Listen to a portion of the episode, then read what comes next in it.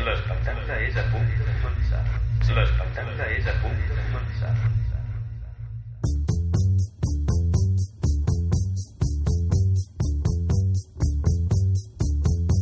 Benvinguts al capítol 21 de Semàntic. Eh, aquesta setmana estem el Masum i el Jordi, però podeu saludar, si voleu. Hola, què tal? Com va tot? I també estem amb un convidat especial, que és l'Arol Vinyoles. Hola. I què tal, Arol? Molt bé, molt bé. Què fas aquí? Què passa aquí? bueno, això per un altre, ja ho explicarem. Els modes de, de, de pensar els continguts de semàntic. Com sempre, molt, molt pensat. I... No, es queixa l'Arol perquè l'hem avisat amb una hora o dues d'antelació per venir en aquest capítol. Però no, ja ho havíem parlat, que podia estar bé que vinguessis i avui era, sí, era un bon dia. parlat. Llavors, sí, tu què et dediques? Què, què fas?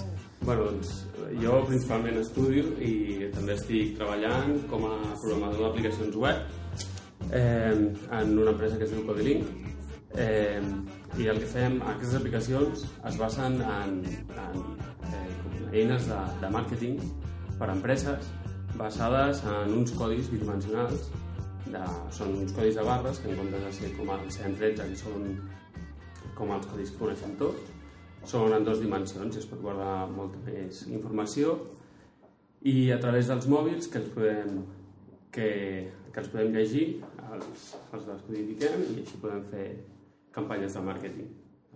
Mm -hmm. Ticket regal, Per exemple?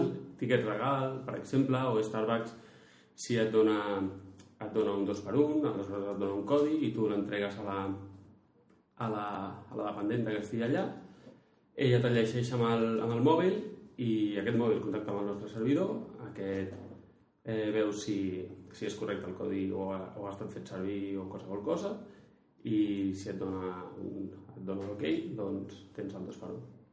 Però, per exemple, això que ens està ensenyant el Masumi ara de boarding pass amb codis d'aquest, Sí. això també seria el mateix o no?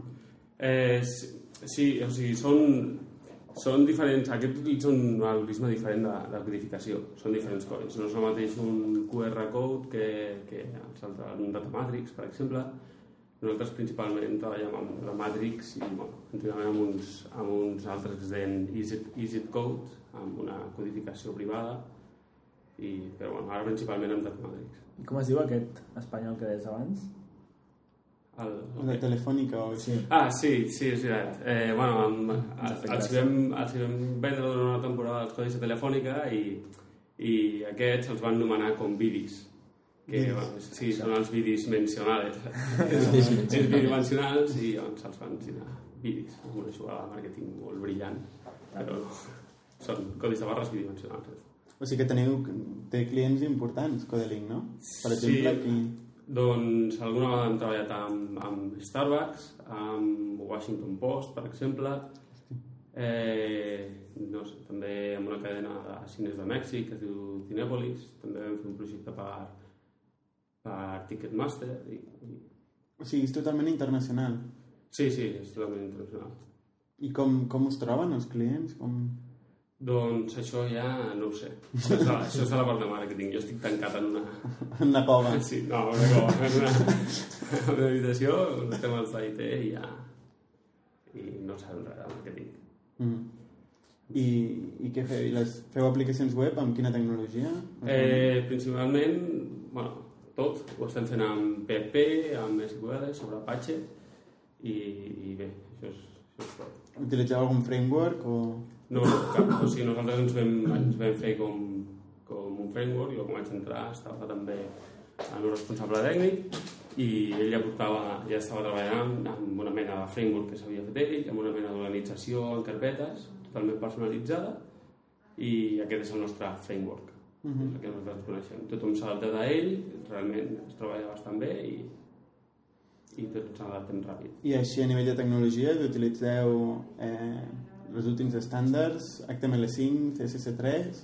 Eh, ara estem començant a introduir coses de, de, de sobretot de CSS3. Eh, HTML5 encara no, eh, però, però ara, és, ara és difícil perquè ja estem en, un- en un projecte bastant gran que no estem deixant i, i només estem treballant en allò que es va començar a fer amb CSS2 i amb HTML4.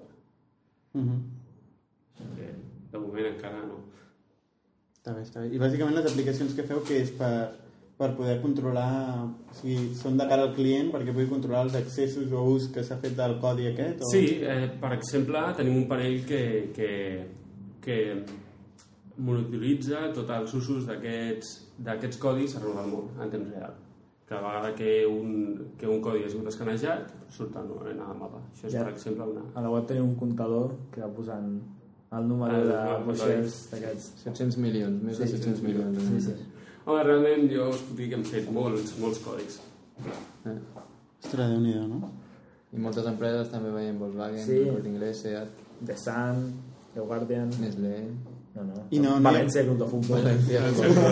Ara estem en projecte, sí. I no hi ha competència d'aquest tipus de codis? Eh, s- pel, pel que jo sé, perquè el, bueno, en tot el tema de competència nosaltres no estem molt ficats tampoc, però visible no és. Eh, de la mateixa forma que quan explico el que faig a algú, com a vosaltres mateixos, directament, molts no han sentit ni parlar de que n'hi ha un món sobre això. Eh, aleshores, eh, la competència és bastant poca, amb sobretot amb el tema de, de lectura de codis bidimensionals. El tema de ticketing ja és una altra cosa. Sí que van pujar un parell d'empreses i tal, però tan directe amb els codis i fer el màrqueting amb aquests codis no, no, no existeix gairebé competència. I per llegir aquests codis serveix el mòbil, una càmera del mòbil o alguna cosa així? Ja, ja n'hi ha prou? Eh, sí i no. Hi ha molts sectors de codis que, que et permeten llegir qualsevol codi que estigui codificat amb un algoritme obert. Com per exemple són els, els famosos scan to content, que són codis que, que, que simplement escanejar-los porta la informació d'una pàgina web i vas directament a aquella pàgina web. Això està a les parades de bus ara a Barcelona. A Barcelona. Sí. Jo, jo havia llegit que això tenia molta tirada al Japó. Sí, al Japó fa mil anys que ho fan servir a tot arreu. Els, els flyers de les coses, en comptes Sí. de posar l'adreça o l'email, posen directament el, el QR. Els iogurts, les patates, Ah, sí? tot el que sí, perquè allà es fa servir molt el telèfon mòbil, molt més que l'ordinador. Molt, moltes vegades hi ha gent que no té ordinador a casa però té el mòbil. Smartphone. No, no, bueno, sí, li pots dir smartphone, eh, smartphone però abans, abans que ja existís l'smartphone, quan eren... Que, o sigui, l'SMS ja pràcticament no, no es fa servir o no ha existit i s'enviaven mails directament. No eren smartphones exactament perquè o sigui, no, no tenien totes les capaci- capacitats que tenen els d'ara, però eren bastant... Bueno, enviaven correus, ja, ja podien escanejar aquests tipus de codis per anar a pàgines web més ràpid sense haver d'escriure. Ah, es sí? feien les, les targetes de, de visita dels japonesos, tots tenen el nom i el codi, el codi aquest bidimensional amb tota la informació perquè la gent ja es pugui agregar els contactes fent una foto directament a la targeta. Ah, sí? Sí, sí. Està guai. Doncs aquests són els usos públics que té el, el, aquest sistema. Però nosaltres, clar, nosaltres la, el que fem és un ús privat, de forma que els nostres eh, codis són codificats, Uh -huh. perquè l'objectiu que té és que ningú els pugui reproduir més que qui fa la campanya de màrqueting, perquè hi hagi fraus de tickets i coses d'aquestes, Uh -huh. Està bé, està bé. principalment. Sí, sí, no. Ha altres coses interessants de l'Arol. Bueno, l'Arol és un company nostre de la universitat, de, també de la Facultat Informàtica de Barcelona. I una cosa que va ser famosa fa uns anys o així va ser que veu fer una aplicació no? de l'APM. Bueno, just, just farà un any que vam començar Fa un any d'això. Però sí, perquè va ser aquest estiu, Mhm. va ser el boom. I vam fer una aplicació de l'APM que el que feia era apretaves botons i, i feien les, les cites més típiques de l'APM, no? Sí, realment, si voleu. Jo no la tinc. La falga. Eh, Com va anar això, l'experiència aquesta? Doncs sí, el, el, a veure, eh, això va començar quan, quan més o menys fa un any que vaig... Un any, a, a principis de l'estiu, eh, vaig veure que n'hi havia un... No està en silenci. Ah, vale. Hi havia un... Hi havia Efecto web que es diu... Esto sí. Sí, exacte, això. Eh, hi havia una pàgina eh, que alguns coneixereu que es diu Esto es demasiado para mi cabeza. El què, el què? Esto, una web que es deia Esto es demasiado para mi cabeza punto, punt bis. I aleshores era una idea molt bona de que era exactament això, aquests botons eh, tenien les frases de l'APM. Eh, hi havia altres pàgines que tenien frases interna internacionalment frics. Ah, sí, Sí. sí. són això. De, de tota mena. La. Aquest era... que, que, que, eh, estava amb... Doncs aquest estava especialitzat en, en, en APM. I Ja. em va agradar molt la idea, de forma que jo estava començant a, a programar amb el sistema iOS, que aleshores no, encara no es deia iOS, crec, era iPhone només. Eh, i, i bueno, vaig començar a programar amb, amb el David Cortés, un altre company, a les hores de Vic, d'una assignatura a la Vic. Sí, no, no, com a classe programàvem. I aleshores, com buscant un projecte per fer, eh, vaig veure aquesta pàgina web i, i va ser algo molt, molt estrany perquè no m'ho vaig pensar dues vegades i quasi sense tindre la idea de voler fer l'aplicació ja els estava enviant un mail als responsables de dir de, que, de comunicar-los que volia fer una, una, una aplicació ja Els responsables aquí. d'aquest- de Esto es demasiado para mi cabeza Ah, vale, vale.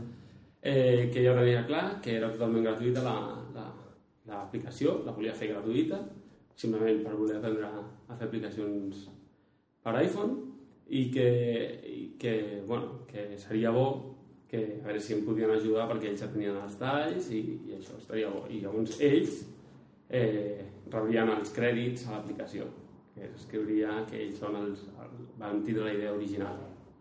Aleshores, sí, vam quedar en un bar de la Sagrada Família, eh, vam veure que, que tenia bona tirada, es veu que havien rebut ofertes per fer la- l'aplicació d'iPhone, però totes eren cobrant. I sí, sí, ens vam atrevir i, i aleshores vam fer l'aplicació per iPhone, que la vaig programar jo, l'aplicació per Android, que la va programar el David, i el disseny per un company meu de la feina, que es diu Xavi. Eh, I bueno, va donar bon resultat, eh, la pàgina web tenia bastanta tirada i allà es va publicar que havíem llançat l'aplicació. Eh, i en fi, va ser molt curiós perquè eh, el primer dia ja només de la publicitat aquella ja van haver bastantes descàrregues, no me'n recordo exactament el número, tampoc tenia els reports en temps reals perquè iTunes no te'l dona fins al cap d'una setmana. Però va aconseguir prou descàrregues com perquè arribés al top 3 de l'App Store en, només amb, amb, crec que van ser 8 hores des de que va ser acceptada. Joder. Eh, aleshores jo aquell dia estava a Tarragona. I me'n recordo tornant amb tren mirant el, a l'App Store a veure si, si per casualitat, però allò que ni penses que estarà. I bueno, és pell de gallina quan veus la teva aplicació al top 3 de- d'aplicacions gratuïtes de l'App Store i bueno, que no t'ho creus, no t'ho creus i Quantes era, descàrregues ha, ha obtingut aquesta aplicació? en total crec que estarem sobre les 38.000 descàrregues o, o, o, o 40.000 tampoc seria una barbaritat. Mhm. Eh, I aleshores això era a les 7 del matí, a les 12 del matí ja era top 1 de la, de la Store i bueno, em felicito a tots molt, va ser increïble i ara Ah, sí? tot el vostre pregunta. Si no hagués estat malament vendre-la a 79 cèntims, si, si l'hagués comprat tothom, haguéssiu guanyat 31.600 euros. Vale. Gràcies per, gràcies per repetir-m'ho, no he pensat mai en aquest tema. Però bé, ja, de cara a la següent.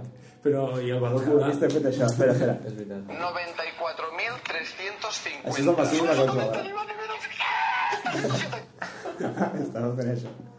I, I us va contactar algú d'APM a partir d'aquesta Eh, aplicació? doncs sí, de, després de, després de l'èxit de- d'aquesta aplicació i també de l'èxit que portava la pàgina web, eh, a través d'aquests nois de, de que portaven la pàgina web, ens va contactar el, el productor de l'APM, el Carles Capdevila, que era també el director del diari Ara, eh, ens va contactar perquè tenia ganes d'entrar en aquest món 2.0 i volia que l'entréssim nosaltres en el món 2.0. De forma que vam, menjar, vam engegar un, un projecte. I van tenir una idea d'una pàgina web de, de mèdia perquè la gent pogués penjar vídeos, sons i que fos una mica eh, una central on els, el roundup de, de seguidors de, de l'APM i tot això doncs, poguessin penjar vídeos i, i que, no sé, que es fes una mica de comunitat 2.0 així n'hi hagués moviment. I bueno, vam fer aquesta pàgina web que és de apocom.cat i bueno, a través del... els problemes van vindre quan, bueno, el treball va ser molt, molt satisfactori i vam estar bé amb el director de l'APM, el Guillem, el Guillem Sans, tot molt bé, i després va vindre el tema del, del contracte que amb el contracte de la pàgina de fer la pàgina web eh, també volien aconseguir els drets d'iFollon i nosaltres vam dir que l'aplicació la vam fer anteriorment i això es pagava a part dir, era una aplicació que vam fer anteriorment. No era dins d'aquest No contracte. de i aleshores Sentit comú, eh, també és sentit comú. Sí, sí. Eh, Aleshores, és això, nosaltres vam dir que no, vam dir home, teniu raó, és veritat, la pagarem, i ens van fer una oferta que era molt, molt, molt baixa. Eh, després, en un procés de negociació, no vam estar contents i vam dir que al final no la valíem.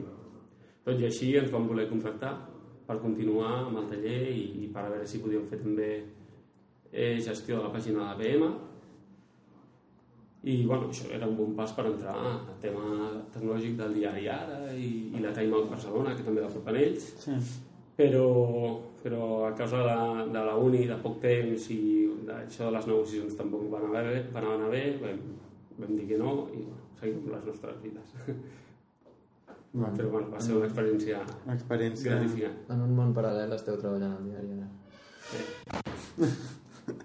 Comentari del Masumi. Està bé, està bé.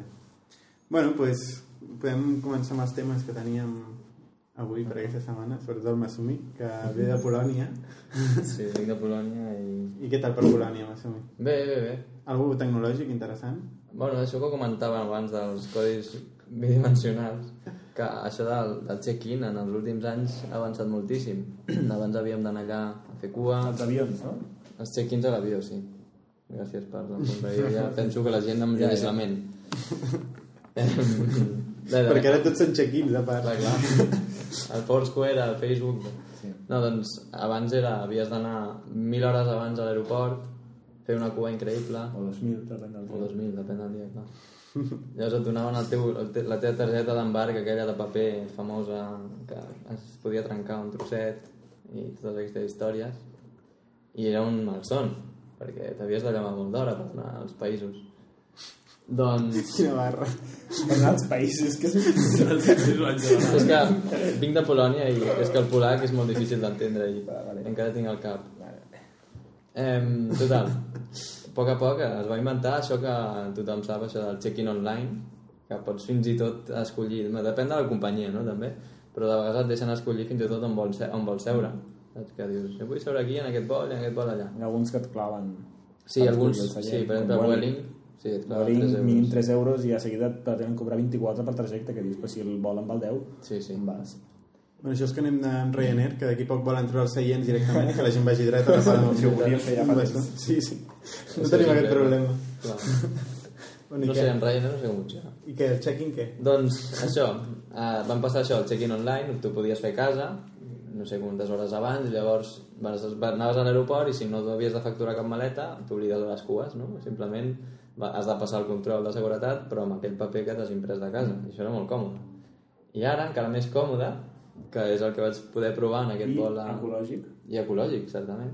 És que directament t'enviïn el, el, un codi bidimensional en el mòbil. I amb el mòbil directament, doncs, a, a, la, a la cua aquesta per, per la, el control de- d'equipatges hi ha una maquineta, així com amb el paper, l'operari te l'agafa i t'ho posa ell, amb el mòbil suposo que no ha de tenir permís d'agafar-te'l. I llavors et diu, coloque-lo usted mismo en el d'esto. I... En castellà t'ho diu. Sí, sí, sí. A Polònia, no? De- No, no, estava parlant a ENA, a Barcelona. Ah, vale. Allà sí que m'ho han dit castellà. Caballero. Per ells també parles polac. Bueno, sí. És veritat. Més. Total, que... Bueno, això, passes per allà, clic, sense fer res. I després, Clic, encara millor... clic. Sí, se sent un clip, òbviament hi ha un feedback. Això és usabilitat. És hàptic. Sí, sí. És hàptic. Notes una vibració.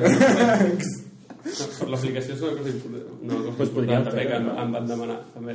És que quan, quan es coneix un codi li van donar molta importància al bit. El bit, no? No, I si no, és tot el un quart de de- la- interacció amb el mòbil, si no n'hi ha bit no tinc la interacció.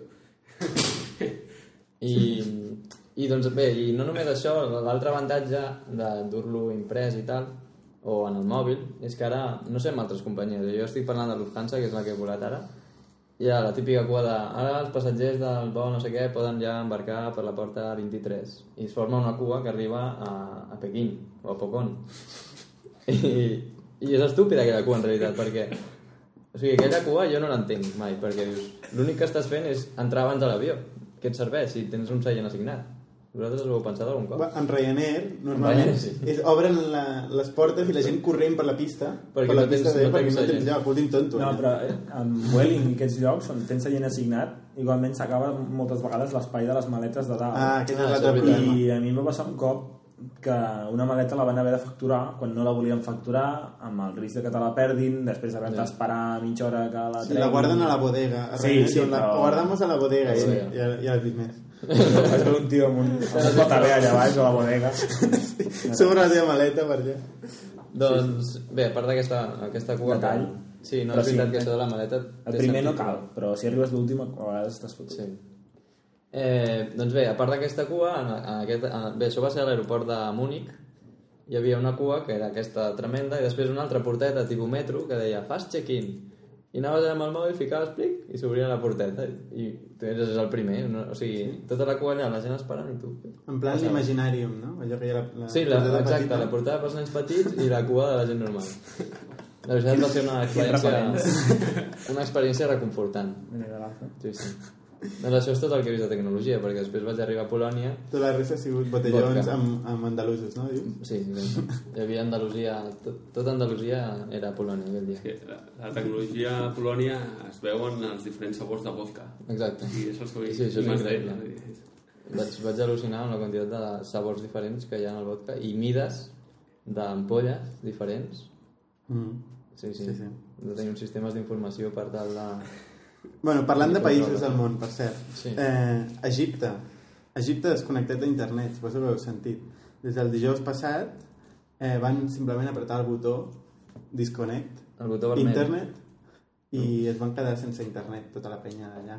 Jo no em vaig enterar, jo estava allà a Polònia i anava llegint Egipte, Egipte, Egipte, però encara, encara ara... estic- Com el bisbal, no? Que està allà a Sí. Egipte i diu, oye, què passa aquí? Que... Que no gente en, la, en las pirámides. Sí, això va ser ahir el, el, tweet, el hashtag més, més popular d'ahir. Turismo Clar, bisbal. Turismo bisbal, sí. doncs, doncs, bueno, sí, jo crec que és bastant bèstia el tema aquest, perquè, bueno, la gent ha quedat allà desconnectada sense poder dir el que, el que Sí. estava passant, però clar que això, vull dir, falta que et treguin internet perquè la gent trobi maneres de connectar-se a internet, no? Hi havia, es podia fer trucades fixes i hi havia gent que trucava a números internacionals que arribava un mòdem i, i a través del mòdem o sigui, feia el dial-up, o sigui, feia la trucada a internet, Ah, no? internet. Amb trucades internacionals, però des de números fixos. Llavors sortia una mica car, no? Sí, clar, però es tracta aquí de treure informació com està sigui, clar. no? Sí, sí. Després també altres sistemes, bueno, per mòbil, evidentment 3G no funcionava, tot el, tot el que funciona per eh, centralitzat des d'una ICP no funciona, però en canvi GPRS o tecnologies així més antigues sí que podien fer trucades o, o, o connectar-se a Connexions. internet en plan molt lent però per e-mails o tuitejar ja és suficient Mm. perquè funciona d'una forma descentralitzada per lo que he pogut entendre així com el, el 3G o, la, o ADSL funciona centralitzat amb un ICP eh, formes de GPRS o altres sistemes així com s'utilitzaven abans mm, tenen diferents nodes que es connecten directament al satèl·lit i és més fàcil que es pugui emetre no? És difícil de censurar. també per altra banda el que tu comentaves abans Ah, Google sí. ha tret Google es va ajuntar un cap de setmana amb uns, amb uns programadors també de Twitter i van, van fer el que es diu... bueno, també, perquè Google ha, ha, havia comprat feia poc una, una empresa que es diu Say... no me'n recordo. és igual Say no sé say to quants. tweet, say to tweet No, això és el que es inventar. així. ah, això és el que Speak to tweet. Speak to el- Tweet és el que s'ha inventat. Sí, el de Twitter i, Google, eh, bàsicament trucar, hi ha tres telèfons que pots trucar des de qualsevol lloc del món i truques i parles i, i pots tuitejar parlant directament. O sigui, era una manera telefònica, que com que el telèfon no s'havia tallat, doncs, de comunicar-se amb la resta del món a través d'internet. Era un altre invent, Mhm. que ha estat molt bé. I, I de fet, tu que has comentat abans de l'OL, que va desaparèixer un representant de Google. Ah, sí, vaig veure la notícia de que, de que havia, havia desaparegut un representant de Google a Egipte. Un dia després de que fessin l'anunci que traurien això. Sí, que, bueno, que realment ho van treure. I, I sí, sí, de part de Google ja van llançar un comunicat dient que no sabien res d'aquest- d'aquesta persona. Havia- S'havia fulminat, havia desaparegut. Eh, bueno, això és una qüestió també interessant a plantejar-se, no? Si, fins a quin punt el govern té poder de tallar internet, no? Clar, és que parlem molt de neutralitat de la xarxa, no sé què, però arribarà un dia que el que hi hagi de president dirà no, és que hi ha un problema aquí, no volem que no sé què, apreta el botó net vermell i no, ni neutralitat ni merda, no hi ha xarxa directament. Això és molt perillós. S'està parlant molt d'això del botó perquè justament a, als Estats Units s'estava discutint al Congrés justament ara eh, a ficar un sistema centralitzat en què el Homeland Security, el Departament de, de Seguretat del, del país, pugui tenir control de tots els ICPs per tallar, la, per tallar internet. Justament s'estava debatint ara que és el pitjor moment de tot. Bon moment. Però, però penseu que això és un botó crític. O sigui, això no es pot passar allà, o perquè si tu imagina't, ja no parlem dels Estats Units, si aquí talles la, la xarxa de comunicació, eh, serà molt pitjor que una vaga general. Ja, ja. Sí, sí. Eh, acabes amb la comunicació de totes les empreses i acabes amb, tota, amb quasi gairebé tota la productivitat de, de, de, tot, de moltes empreses És que estan pares el produint, món, pares el que es món. basen en internet Totes les empreses online a prendre pasta. fora Teambox, Teambox se'n va a la merda, Inic també, un desastre. Sí, però depèn del poder que tingui el, el govern o de quina sigui la seva situació, pot interessar-li per salvar el seu cul. Sí, per exemple, perquè Egipte no ha bloquejat la pàgina de la borsa, per exemple. Pot seguir fent transaccions bursàtils. Tontos no són del tot. Mhm. No, és, és curiós, és I curiós. jo em pregunto, eh, legalment, qui té aquest poder de fer això a Espanya? Algú sap? Algú és advocat aquí? Sí. Només veig informàtics. Només veig informàtics. No sé, no Podem sé trucar però, aquí. però, A un advocat. però és un tema una mica bueno, perillós, eh? almenys. Sí. Aviam que, com continuarà el tema. I també és curiós el tema aquest del Twitter que estan utilitzant en àrab. No sé si heu anat seguint el Twitter o si la gent que tuiteja des d'allà tuiteja en àrab, no? I abans estàvem comentant, tu, eh, que Japó havia triomfat tant al Twitter, Mhm. tu comentaves, perquè en, en japonès eh, és per, es, pot expressar molta més, amb 140 Sí, caràcters, més. es pot expressar molt més contingut que no pas amb, amb les llengües aquí occidentals, no? Sí, si t'hi fixes, si veus qualsevol tuit en japonès que hagi aprofitat els 140 caràcters, et semblarà que aquell home no està fent servir Twitter, perquè veus una parrafada de text. O sigui, visualment també hi ha molt més caràcter, perquè és com més gran, més ocupa més, i realment hi cap molta més informació. Però no només això, perquè els japonesos són molt així, molt rarets, i el que són les, els vincles forts no els hi agraden. Per exemple, a Facebook al Japó, ara ha sortit la pel·li de The Social Network al Japó, aquesta la, que va sobre Facebook, i a- està començant a pujar una mica, però a la gent allà no li agrada gens el que és donar les seves dades personals, els seus noms reals i el tema d'establir amistats de jo t'agrego i tu m'has d'agregar a mi, això no, no, No és guai. mola. Allà hi ha una xarxa social que es diu Mixi, que és molt famosa bàsicament per això, perquè no crees vincles forts i perquè pots tenir nicks falsos, noms falsos. Vaig veure un programa de, allà al Japó que parlaven sobre Facebook i les diferències entre aquests dos i els que estaven allà de comentaristes i no havien vist mai Facebook deien hòstia, has de donar el teu nom real, és molt fort, això no, no faria servir mai i, de, i deien com del pal flipant. És que jo, jo ahir defensava davant d'uns amics que l'objectiu principal de Facebook s'està convertint en, en, en apoderar-se de... O sigui, que ella sigui la responsable de la teva identitat digital. I aquest és el somni, per exemple, de, de, de Facebook i ells van directament a per això. Sí, sí, no, és clar. una identitat. Mm. Sí, no? i assumir tot el teu món, ja sigui... Pues, volen, volien treure un telèfon, no? Es comentava, no sé si el trauran o no, però totes les teves relacions fins l'últim nivell, totes les que no siguin físiques, evidentment, que les centralitzi Facebook, no? Volen els teus contactes a tota costa. Sí, que, que tot passi per allà, no sé. Contactes estan molt ben pagats avui en dia. Sí. Aconseguir xarxes de contactes i tal. Per això tothom ara, quan tu fas servir qualsevol aplicació d'aquestes parideres que et diu autentica't amb, amb Facebook o amb Twitter, molts cops poden demanar permís, per exemple, només per autenticar-te o permís per autenticar-te i per tot accés a tots els seus missatges que, i tothom demana permís a tot, Tot és ni que no ho necessitin.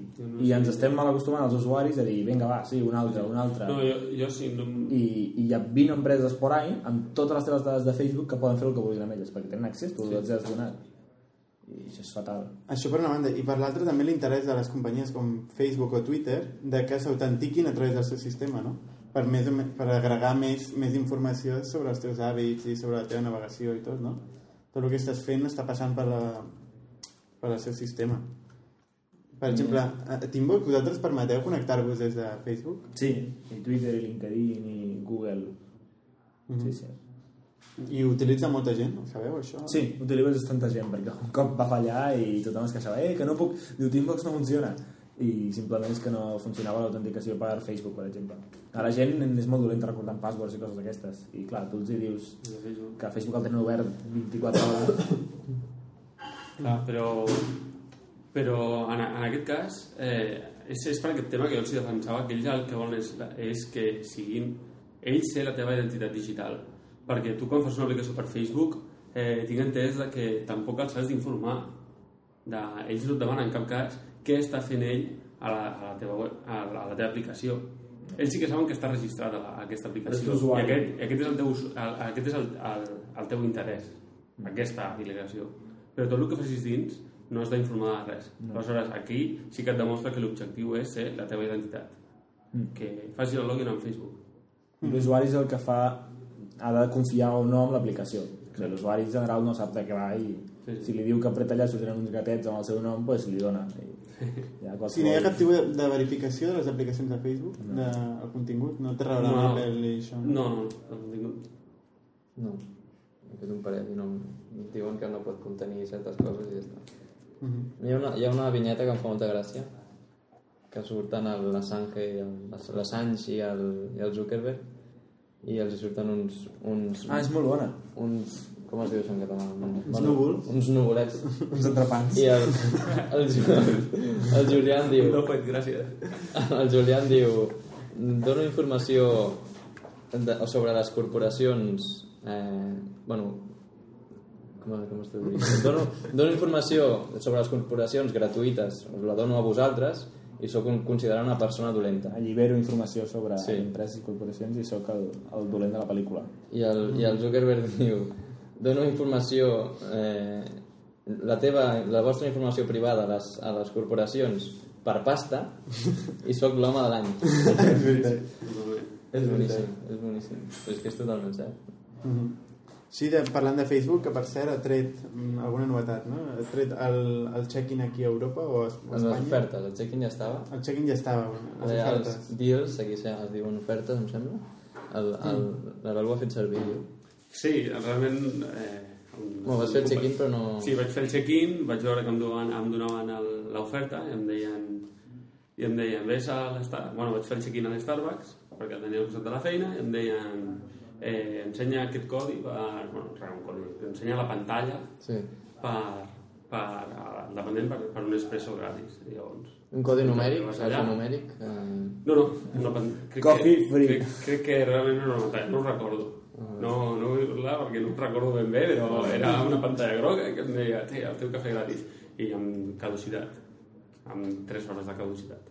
Està bé. Aquest codi caducar... Això és brutal, no? Perquè, com a incentiu, que sempre a les pàgines et fiquen allò me gusta, però dius, "Ui, per què fica me gusta? ja. Però en canvi si et donen un Jo tot això del gratis... Foursquare i no sé què no ho he fet servir mai, però si valgués la pena, dius, vinga, va, farem el primo com tothom, però un jo cos m'emporto- de gratis, no? Però jo m'emporto el cafè gratis, ja sap que a més sap millor, perquè com és gratis... Sí, Sí, sí. tot el que és gratis està molt més bo. Sí. Sobre- Sí, sí, sí, té Però- otra merda també. Però a més, això, això és només un dels tipus d'ofertes que hi ha. També hi ha els group offers, les ofertes de grup. Ah, que si nens amb si tantes vas- persones. Tantes persones, doncs et fan no sé quant descompte o unes gratis, coses d'aquestes. I després és hi ha els- la canya, eh? I després hi ha les ofertes solidàries, que si fas no sé què, doncs plantarem un arbre a l'Amazones. Ah, mira, molt bé. Sí, és veritat, vaig veure el, el BBVA, Ah, sí? banc, sí, tenia un check-in de, de, era un check-in d'aquests, de- d'una bona causa. Fes un check-in i, i, i donarem tants cèntims a una ONG. Mhm. Està bé. Per cert, parlant de Facebook, que van escoltar, el Mark Zuckerberg va escoltar Semantic Ah, clar. i ha ficat el suport a purament HTTPS a partir de, Ah, de poc. Per evitar la vulnerabilitat de Farship. Farship, no? Sí, a partir de Fireship més que Semantic. No, de fet el, el vaig trucar i em va dir Va- ah, sí, ho teníem en compte. Sí, Ah, ara ho farem. Doncs Gràcies. Vas escriure des del seu... Com es diu això? Mur. Muro. Al seu mur li vaig escriure així. Va escriure I al som de semàntic, que no veiem què passa. Que... I ens va escoltar i... no, Va dir, hòstia, quin perill. Sí, sí. Està bé, està bé. Ara ja no, ara ja, ja podeu anar tranquil·lament. Podeu desinstal·lar Fireship. Sí, exacte. Sí, perquè bàsicament era per Facebook. Mm. Doncs, més temes que tenim. Sí, el, el vostre canvi d'arquitectura a Teambox, no? On compres el pa? Compro el pa. No, doncs sí, hi ha un tema molt interessant pels que li interessen al Rubi que escolten l'últim tros del podcast i s'escolten tota la resta. I és que recentment... I que no és l'últim tros del podcast. No és l'últim tros, que ens portem més o menys hora. Digues, digues. Doncs bueno, havíem parlat abans de Passenger, em sembla, que és un servidor de Ruby... Tu coneixes, Arol, una mica de Rails i tal? Clar. Vale, vale. Doncs Passenger va ser una revolució de fa pocs anys perquè els deploys amb Rails es van convertir en trivials. Era un mòdul d'Apache i era com si fos el mod PHP. Tu posaves una aplicació Rails allà i pam, anava, com si fos PHP de tota la vida. I també estava per Nginx. I fèiem servir això per Teambox, però està molt bé, però hi ha un moment en què te n'adones que les solucions fàcils que les deixes en allà i funcionen deixen de funcionar quan vols coses més complicades, quan vols poder gestionar doncs, puntes de tràfic més bèsties i coses així, i cada vegada Passenger era més un problema que no una solució. Però I va sortir Passenger 3, que... va sorgir Passenger 3, és cert, fa temps ja, però ara està parlat, bastant estable, és veritat, i està molt bé, soluciona molts temes, però segueix basant-se en la filosofia de lo més important és que sigui fàcil. I la gestió independent de processos i coses així, per exemple, quan hi ha un memory leak o un procés està gastant més CPU del compte, etc., doncs no acaba de ser perfecte. I hem canviat a Unicorn, que és un servidor que és curiós, no? perquè torna a les arrels superantigues. Funciona amb el sistema aquest de, de preforking i, i es basa en que és un servidor només per Unix en el sentit del que ell fa és basa tota la concurrència en diferents processos Unix. Per tant, no té un load balancer ell intern, simplement té processos que tots volen treballar i el distribuïdor, el scheduler del sistema operatiu és el que dirà quin procés té més preferència, etc. Per tant, eh, té un, un màster dels processos que s'encarrega de matar els que consumeixin massa memòria o els que arribin a un timeout que tu configures i bàsicament significa que tens màxima llibertat. Dir, tu pots tractar els processos un per un que garanteix màxima estabilitat perquè la mínima que tens un problema doncs l'aïlles, el mates, guardes un log especial el reinicies amb debugger, pot ser qualsevol guarrada amb el procés i, i instal·lar és trivial si fa servir una eina com Apache o Nginx. Simplement és un has de, has de fer un reverse proxy perquè totes les requests les vagi redirigint als processos aquests. Llavors pots escoltar amb Unicorn a un port TCP o un socket de Unix. I un socket de Unix és sempre el més ràpid o sigui que és perfecte i estic, estem super contents portem... ah, bueno, una feature super important de, de Unicorn és que permet fer deploys amb downtime zero instantani, això és bastant acollonant perquè quan tu tens una aplicació una mica complexa i fas un deploy que canvia bastant el, el teu codi el, has de matar el procés vale?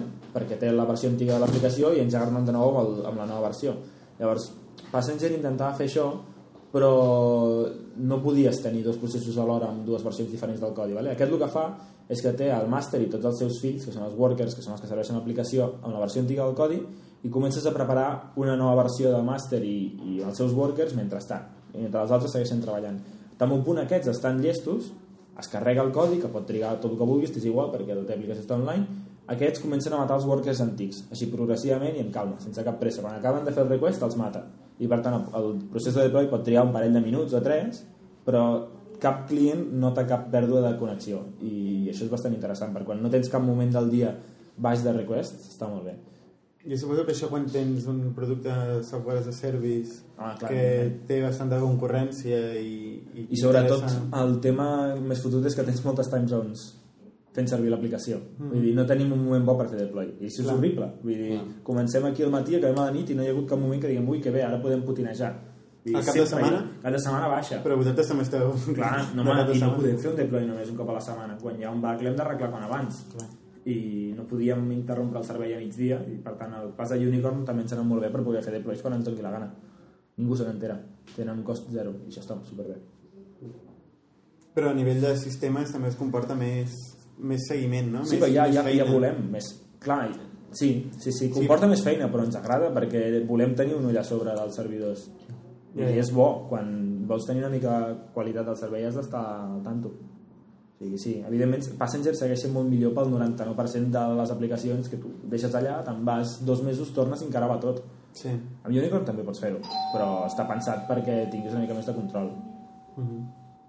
I sobretot a Passenger 3, bueno, a la nostra experiència és la- l'avantatge de que tinguis sempre carregat en memòria eh, l'aplicació, que bueno, tens un, un temps zero de, de càrrega. De fet, acaba d'arribar el, El sysadmin. el 6 admin i bueno, jo crec que és, és bastant bueno, hem notat molt avantatge molt avantatge en rapidesa de, de, de servei no? Però bueno o sigui que recomanes Unicorn Unicorn? Recomano que la gent hi jugui perquè s'aprenen coses però per fer deploys segueix sent millor Passenger si no tens requisits així com els que comentàvem abans mm. i segueix sent molt més senzill instal·lar Passenger és que és com mod PHP per tant no s'ha de res Vale.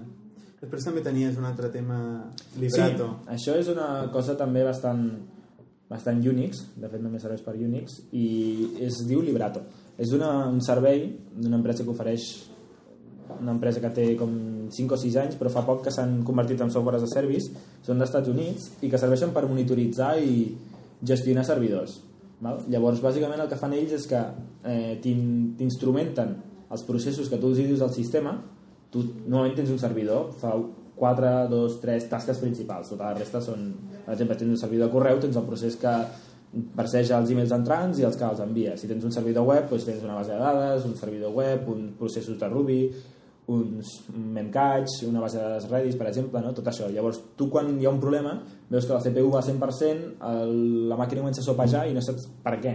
No saps què està gastant CPU, què està gastant memòria has d'entrar a la màquina, potser no pots vale?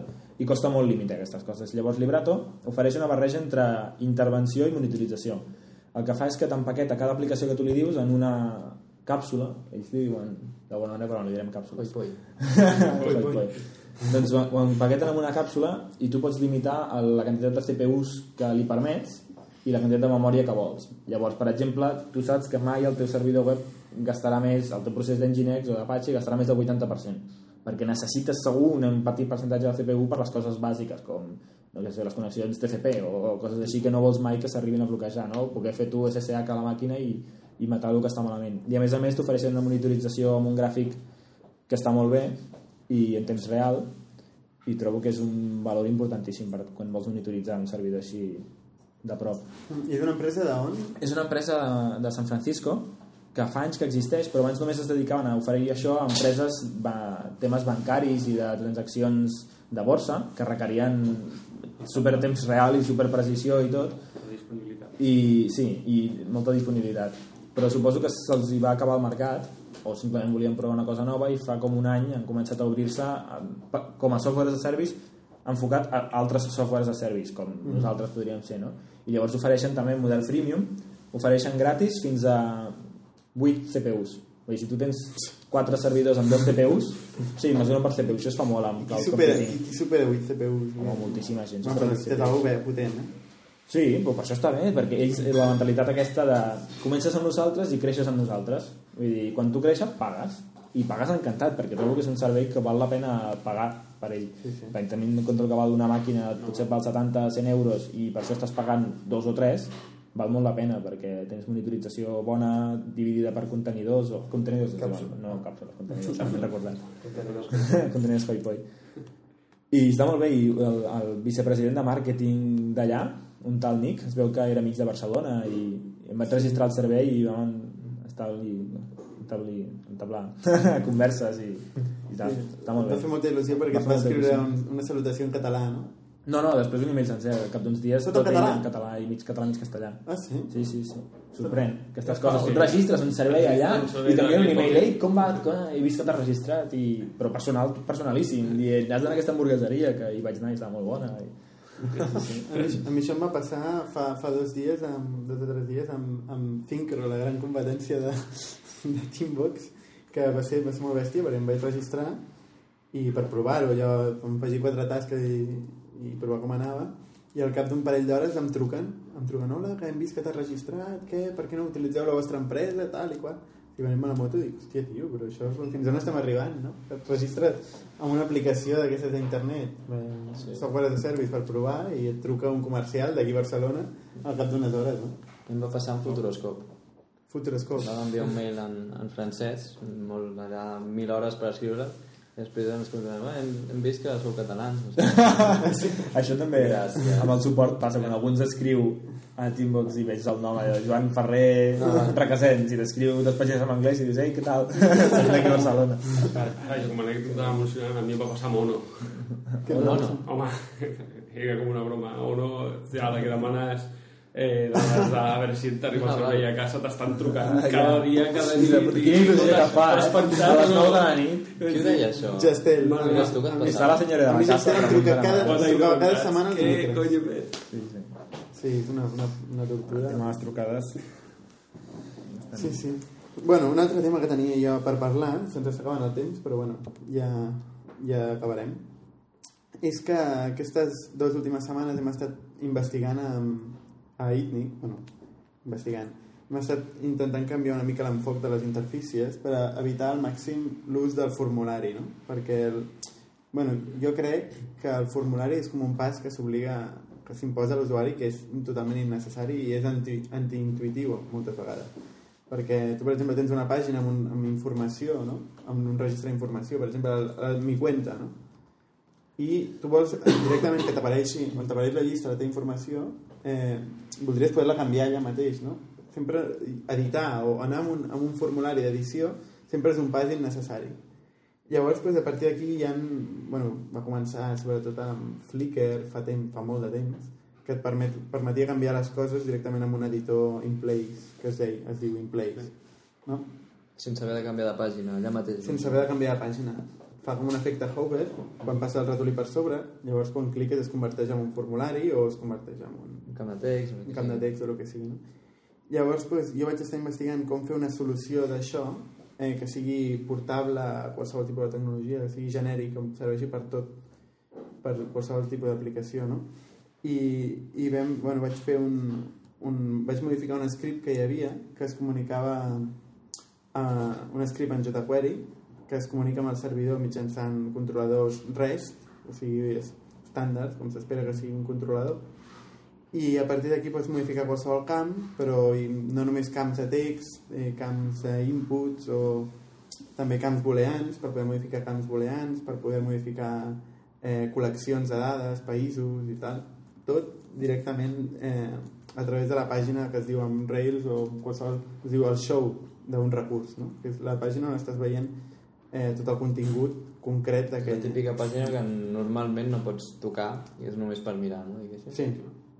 Sí, llavors per barrejar, intentar evitar el formulari, deixar-lo només per quan s'introdueix la informació, que llavors és bastant imprescindible. I, bueno, si algú li interessa, aquest projecte està a GitHub, és, és obert. I fet el teu blog, en, el, en la pàgina uh, semantic.cat hi ha el link al teu blog i en el teu blog l'últim post parla d'això. parla d'això. Sí. De fet vas ficar una, un exemple i jo vaig començar a ficar dades. Ets tu, també. Cada dia, cada dia és, em, fa, vull dir, em fa gràcia veure el que la gent es pot arribar a pescar. O sigui, hi ha gent que m'ha modificat tota la base de dades mitjançant cross-site scripting. Ah, sí? Això en parlem un altre dia. Sí, perquè clar, el servidor és, és, no, no he ficat protecció en el servidor. Simplement era per veure l'escript en funcionament. No? Ah. Però clar, el que has de, protegir de- des del servidor que no et fiquin, per exemple, un tag script i que et facin una, una request sobre una, un get o un post sobre el servidor i et canvin les dades. O, per exemple, m'han ficat eh, en pop-ups i en dies que entro i veig tot de pop-ups per tot arreu. Pam, pam, pam, que m'ho fiquen. Perquè hi ha un camp que permet HTML i, evidentment, permet el tag script. No Ah, està escapat del tag script. Hi ha gent que s'ho passa bé. Sí, sí, cada dia veig coses noves. Com, com se m'han pogut carregar tota l'aplicació? Tinc una aplicació de demo que ja veureu. Jo, jo vaig, l'únic que vaig fer va ser editar els noms que hi havia i posar-ne nous. Ja està, no? Tu ets bo. No em vaig matar a fer gaire més. No, doncs... Però he invertit temps en altres coses. No, però està bé perquè així veig també les vulnerabilitats. Bueno, si trobeu vulnerabilitats i coses interessants a, a arreglar, ja, ja m'ho direu. Que explicarem al Twitter. Expliqueu al Twitter. Correcte. Que I- I... ho provi. Sí. Bueno, altres temes, no sé, hi ha aquesta setmana bueno, hem sortit lo de la còpia de Bing dels resultats de cerca de Google, que això també fa bastanta gràcia. Però ho han comprovat amb els termes, termes incorrectes, normalment, quan fiques un terme inventat, Google et suggereix, té un algoritme per suggerir-te el que creu que ho podries haver posat. I llavors, a partir d'aquí, el primer resultat que surt que ensenya Google, després d'haver-te corregit, era el primer que ensenyava Bing. I això, fet amb, molt, amb un gran número de dades, sempre era igual. Per tant, era, era evident que estava utilitzant el mateix algoritme amb que Google suggeria, que és un algoritme privat, amb la qual el que està fent Bing és moltes cerques està agafant directament el resultat de Google. I ho hem pogut comprovar. I el bo del cas és que Microsoft ho nega, i està totalment demostrat. I Microsoft ho nega que sigui així, i bueno. Està Es pot provar, ho podem provar. Hi ha unes quantes paraules que es veu claríssimament. Escriurem Samnatic. Samnàtic, Samnàtic. el Bing. I, no sé, el, algo més interessant. Efectivament, proposa semàntic, Google. Que I sí. Bing? Bing, espera, és el primer cop que hi entro. No sé que triga a carregar-se. Semnàtic. Samnàtic? Què surt, què surt? Cosa rara. Sí, em sembla que en aquest cas no és... No, doncs no s'ha complert, eh? En aquest cas no s'ha complet, perfecte. M'està buscant per semnàtic. Però és que don- dona coses que no tenen absolutament res No, a veure. bueno, sí, aquí surt semnàtic en aquesta pàgina. És que he trobat pàgines que realment incorporen aquesta paraula. Bueno, no sé quin percentatge de gent utilitza Bing, però... A How I Era- Met Your Mother. Era bastant alt, era que bastant alt. eh? És el referent. Sí, sí.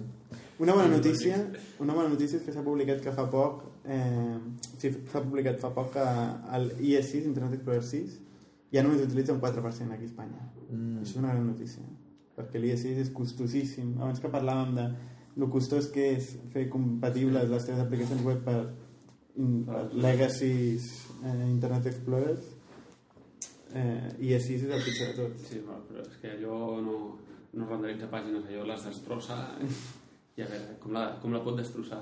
És que jo crec que té un algoritme especialitzat per destrossar pàgines. Sí, sí, sí. Esto és dir. Sí, sí. Bàsicament és que no n'implementa cap. I el pitjor, el pitjor de tot és que... rares que sí. El, Sí. el pitjor de tot és que hi ha empreses que programen per Internet Explorer. Amb el front sí. page, no? Clar, clar, i Internet Explorer 6. De fet, de que fan una pàgina únicament accessible des d'Internet Explorer 6. Sí, abans algunes pàgines de bancs eh, s'havia d'entrar en Explorer perquè és l'únic navegador que funcionava. És que això és un ninxo de mercat. Sí. Dedicar-te a agafar pàgines que funcionen per tot el món i adaptar-les per IE6. Podries dedicar Hòstia, però, Però de pagar molt bé, eh? Perquè Sí, Déu meu. Però aleshores et diran, esclar, però si funciona per Internet Explorer, que ja està. ja està. Vull dir, Funciona per internet, que és com molta Per gent li internet, diu Internet exacte. Explorer. Bueno, hi ha molta gent que li diu internet a Google, eh? Sí, també. Bueno, ja... Sí, sí. Sí, Google és internet. Bueno, això és un pas millor. Jo prefereixo que la gent li digui Sí, Google, sí, clar. internet a Google que no internet a Internet Explorer, perquè... O hi ha, hi ha gent que li diu Google a internet. Aquesta s'ha pensat, eh? Sí, sí. Bueno, i després la, la majoria de gent que fica totes les adreces si no diferencien la, la, la barra d'URL i la barra del Google, Ah, sí. és una cosa indiferenciable pel Sí. 80% de la Això gent. és molt clàssic. Ens hem d'anar acostumant. Bueno, jo crec que ja... Sí, podem anar deixant aquí. Tenim algun tip en tric? Tu volies recomanar algun llibre? Que bueno, m'estava recomanant a mi abans, sí, abans però i t'he dit, estava recomanant un llibre. recomana... Sí, per aquella gent que, que bueno, programa activament a la webs i tal, i que vulgui entrar en el tema, es vulgui actualitzar en el tema l'HTML 5 CSS3, eh, no, sabré com, no sabré com pronunciar-lo, sé com s'escriu, és algo així com de, eh, Hardboiled Web Design, eh, no me'n recordo on el vaig comprar, no me'n recordo, ja el penjarem a...